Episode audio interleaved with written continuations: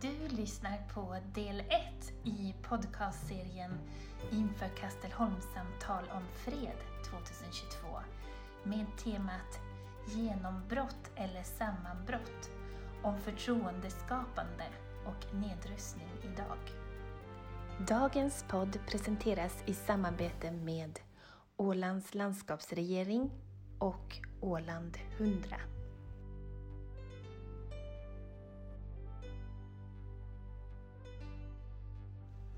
Hej, jag heter Liss Lindvall och är informatör på Ålands fredsinstitut.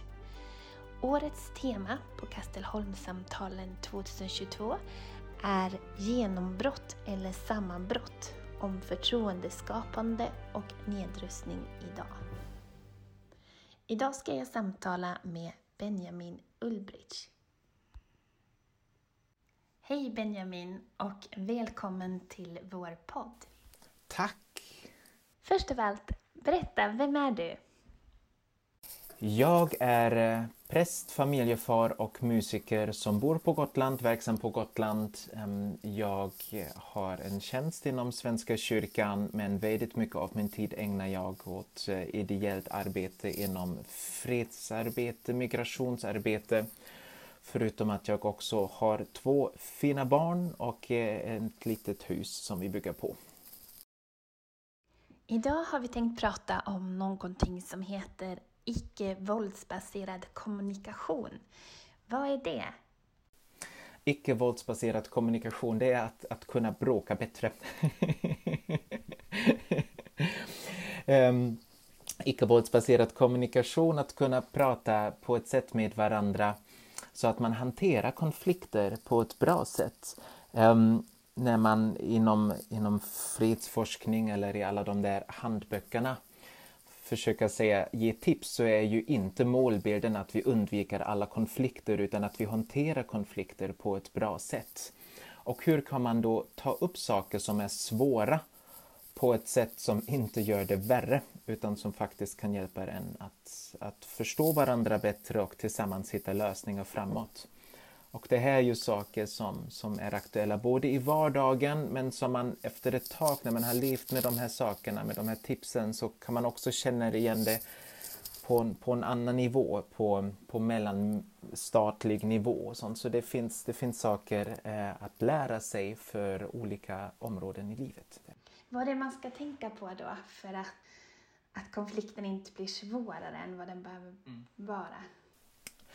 Man kan man kan säga det på, på olika sätt. Det finns ju såväl de där otroligt konkreta nästan manualchecklistor uh, eh, där man brukar säga, tala om jag-budskap. Liksom, att inte säga nej men du har ju gjort och du har gjort utan säga, börja med jag behöver, jag känner. Tar man då ett steg tillbaka ifrån de där väldigt tydliga checklistsakerna, för de brukar inte funka så det är jättebra, så handlar det egentligen om att lära sig att, att odla tre vanor, att, att börja komma in istället för sina dåliga konfliktmönster. Jag vet inte om du har sådana Liz, men jag har en massa dåliga konfliktmönster. Liksom saker, när det hettar till liksom, så faller jag in i gamla, i gamla mönster så som jag alltid brukar tänka och agera. Liksom.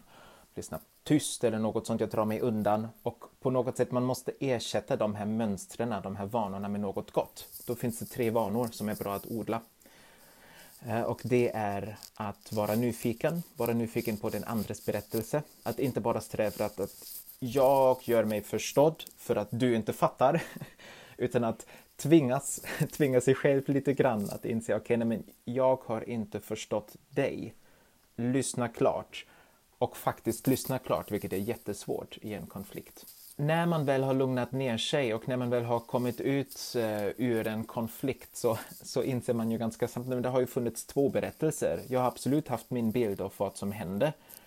Men du har också haft din bild av vad som hände. De gick inte ihop. Där kom konflikten in.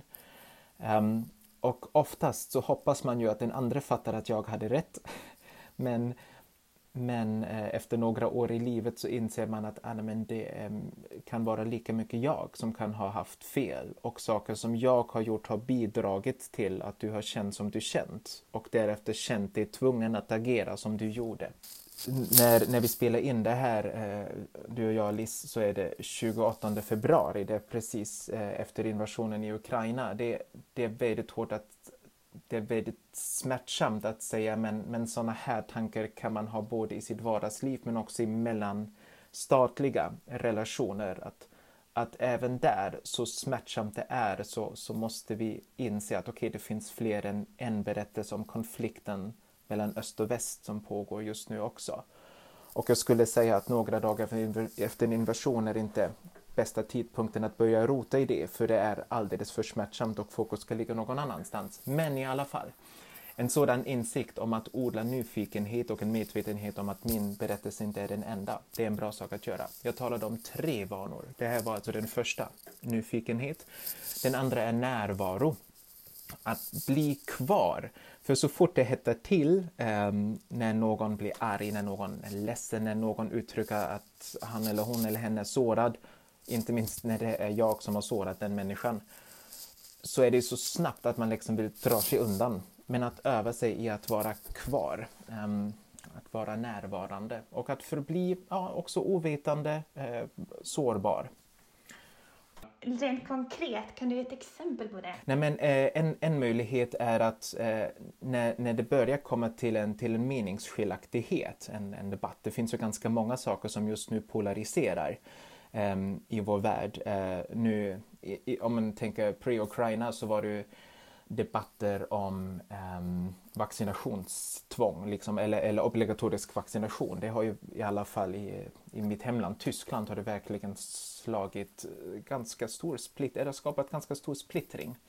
Och i sådana situationer um, så tänker man ju ofta att okej, okay, men jag har jag har två val. Antingen så, så pratar vi inte om det här, vi pratar inte politik vid matbordet. Eller så säger man att eh, den andra är, är idiotisk och jag behöver övertyga den. Eh, en tredje väg att gå och som skulle rimma lite mer med det här att vara närvarande är att sträva efter att fördjupa relationen istället för att vinna debatten.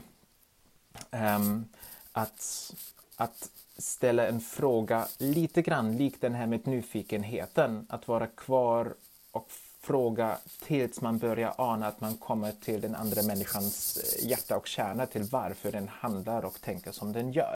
Att man försöker lära känna igen hur man själv agerar i en konflikt liksom och visar att man inte är närvarande. Jag vet att när jag börjar bråka med min fru om, eh, om vem som inte gjorde disken och det är verkligen supervardagligt men det är så tydligt. Jag, jag vänder mig om och jag börjar gå och diska. Så jag gör två saker. Ja, jag vänder mig om, jag vänder ryggen till, inte alls bra och B visar att jag hade minsann rätt. Liksom sådär. Men det är verkligen ett sätt att undvika konflikten rent kroppsligt. Um, och att då öva sig i att sitta kvar. Och även om jag inser, jag håller på att resa mig, jag vänder ryggen till.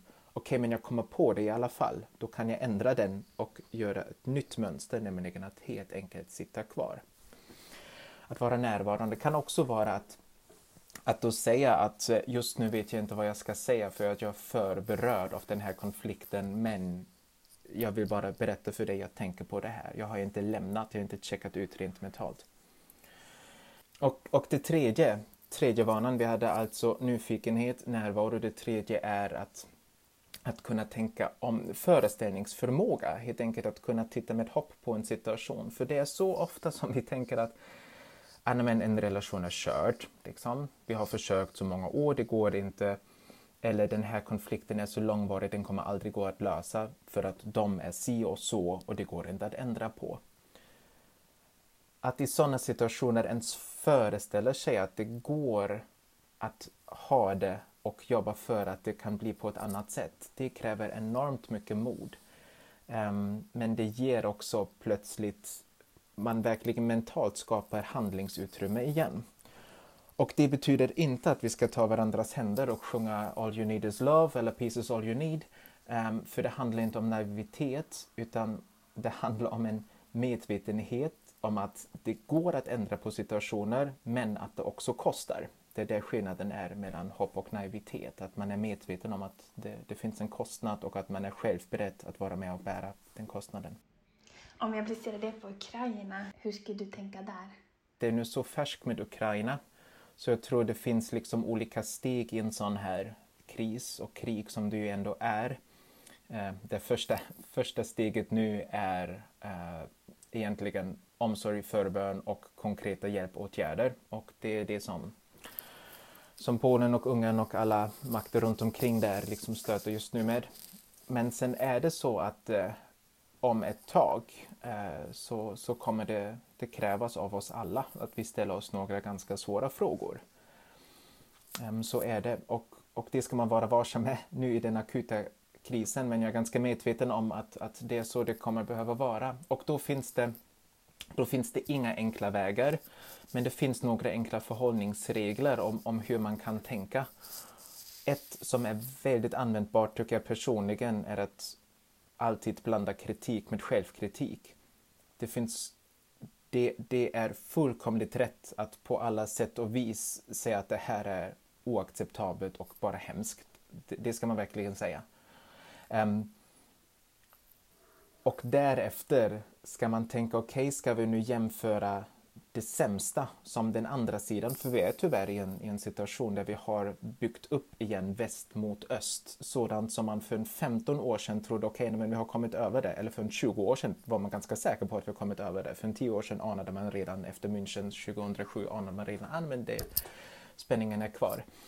Um, att det är så lätt att, att man jämför det sämsta som den andra gör med det bästa som man själv gör. Men att jämföra det sämsta hos den andra med det sämsta hos sig själv och det bästa hos sig själv med det bästa hos den andra. Och då finns det så otroligt många röster för ett annat sätt att lösa den här konflikten. Otroligt många röster i Ryssland. De har det just nu jättesvårt för det är väldigt mycket inhemskt förtryck, det måste man ju också säga. Um, men man, man kan därefter också om ett tag, återigen, jag tror inte att just nu är bästa tidpunkten, men om ett tag är nog bra att också fråga sig, okej, okay, hur, hur bidrog, jag, jag är just nu bosatt på Gotland, hur bidrog Sveriges rekordstora samarbetsövningar med Nato, hur upplevs de på en annan sida? Är det verkligen en sida som alla år, alla decennier nu har bidragit till eskalation eller finns det något det jag också behöver inse, vi också behöver inse, okej okay, det här bidrog också. Inte att det var meningen att komma fram hit, inte att det på något sätt ursäktar att Putin nu anordnar en helt och hållet illegal och fruktansvärd invasion. Inget sådant, men ändå, vill man komma vidare i en konfliktlösning så behöver man ställa sig sådana fråga, svåra frågor. Mm. Och det handlar ju också igen både på eh, ett mellan länder men också på ett privat plan. Precis, ja. Det, det är det som jag tycker är så användbart med de här tre vanorna. Liksom ett nyfikenhet, närvaro och, och hoppets föreställningsförmåga. Att det båda kan jag föreställa mig att den trasiga relationen till min syster någonsin kan bli hel igen. Eh, men också kan jag föreställa mig att det någonsin kan bli ett annat förhållningssätt mellan, mellan öst och väst igen. Liksom mellan, mellan Ryssland och och Europa. Och eh, bara att, att hålla den dörren i sitt hjärta öppet kräver som sagt väldigt mycket eh, jobb faktiskt. Ehm, mm.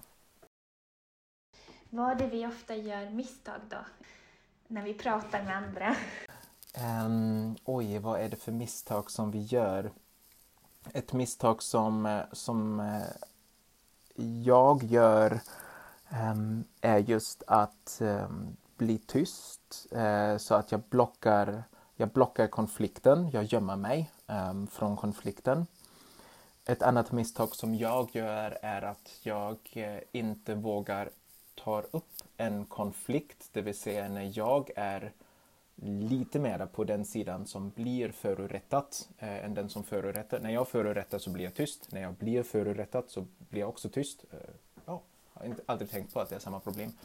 Eh, så jag tar inte heller upp konflikten. Eh, och det tror jag är ett misstag som många gör, att man, man sopar under mattan ehm, på ett sätt, både hos sig själv och hos andra. Ehm, och då kommer det tillbaka med ränta. Då blir det sår i själen som, som kommer ut. Eh, och jag tror man gör det för att man just inte tror att man själv och den andra kan hantera konflikten. För en väl hanterad konflikt, det har också de som har genomgått det upplevt, kan faktiskt fördjupa en relation och inte skada en relation. Eh, men att vi låter bli att ta upp det är väl ett problem. Det andra är ehm, att, vi, att vi faktiskt inte förmår ehm, att uttrycka vad som är det underliggande behovet. Att vi talar om symptomen istället för att tala om behov.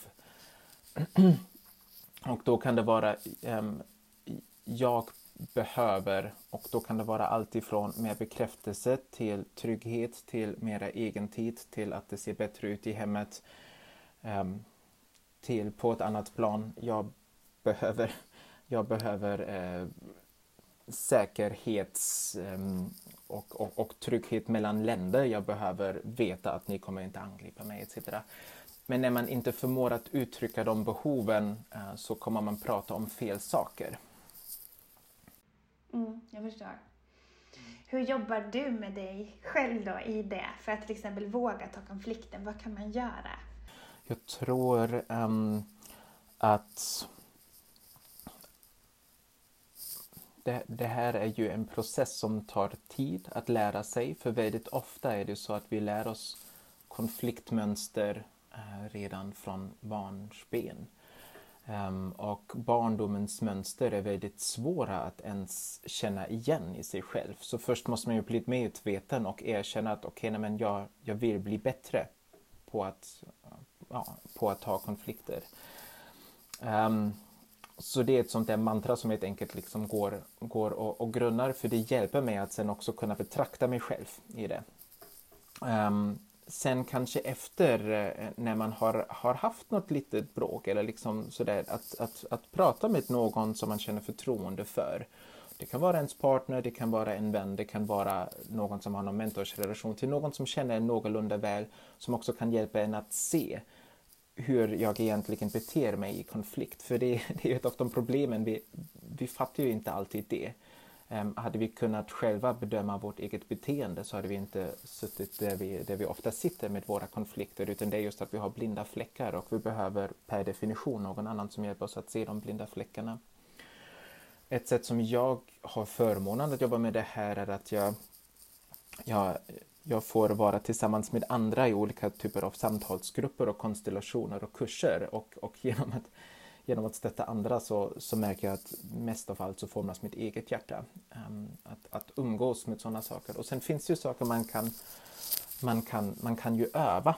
De här vanorna som jag nämnde, de kan man ju faktiskt öva. Det går att, att öva sig på att lämna lite grann sin, sin bekvämlighetszon. Att gå antingen till en stadsdel där man inte har varit, att, att uh, besöka ett annat uh, café eller någon annan någon annan arbetsplats eller att bara en annan Facebookgrupp och inte för att bara trycka på hata och ogilla-knappen utan faktiskt bara för att försöka förstå um, och, och utgå ifrån att den andra i just den här situationen vill det bästa och inte det sämsta och bara se vad som händer. Man kan ju öva sådana här saker. Uh, ja, ungefär så. Finns det undantag till det här när det verkligen vad den gör själv så kommer det aldrig att lösa sig? Eller tror du alltid att det liksom takes two to tango? Uh, nej, jag tror verkligen att det finns sådana situationer där det är helt och hållet en andra, uh, eller där, där, där, där, det på inget sätt är ditt fel. Uh, så kan man väl säga.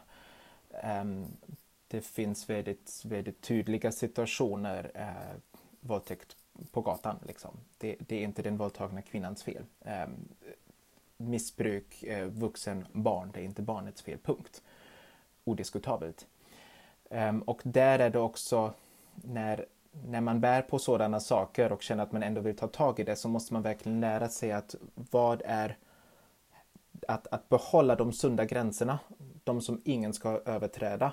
Men att försöka titta på murarna som finns, kanske inte gentemot den förövaren, liksom, för det, det är överkurs, det kan man ta, men det, det är överkurs.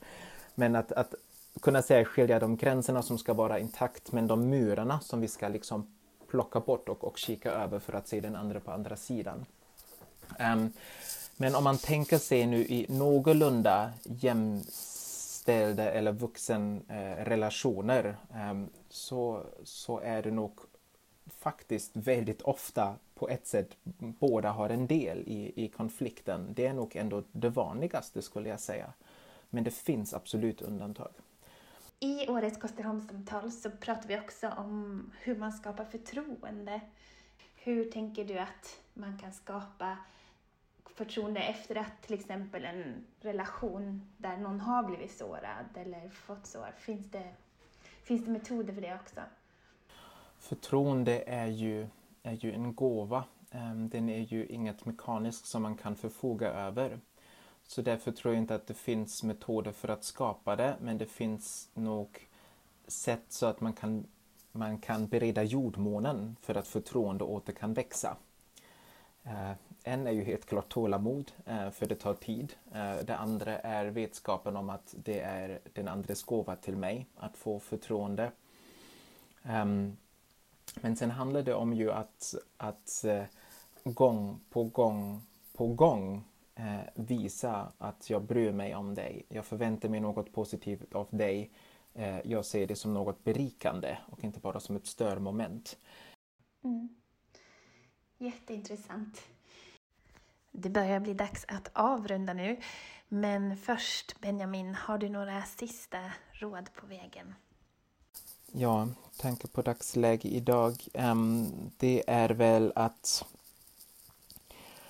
vill man jobba för eh, fred och försoning och alla de här stora orden som alla som lyssnar på det här också vill jobba för ehm, så är det just i situationer som denna eh, som det visar sig om vi är beredda att vara med och, och ta en liten kostnad för att hålla det här hoppet uppe och bidra till dess förverkligande.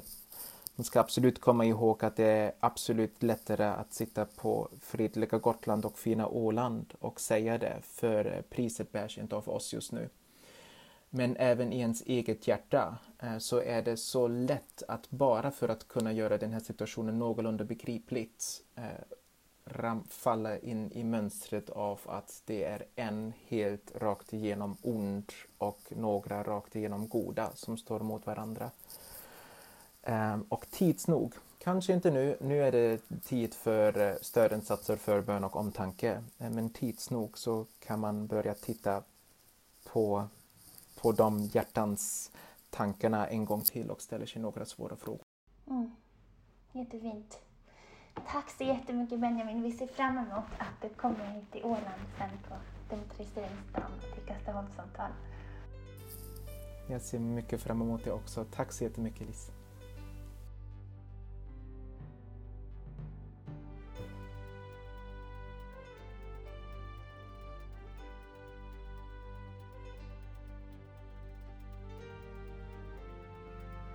Du har lyssnat på del 1 i podcastserien inför Kastelholmssamtal om fred 2022 med temat Genombrott eller sammanbrott om förtroendeskapande och nedrustning idag. Dagens podd presenteras i samarbete med Ålands landskapsregering och Åland 100. Glöm inte att titta på årets slottssamtal som sänds online den 30 mars med en panel bestående av samtalens beskyddare president Tarja Hallonen, Stefan Löfven, Tarja Kronberg och Mikael Wigell. Mer information finns på peace.ax. Tack för att du lyssnade!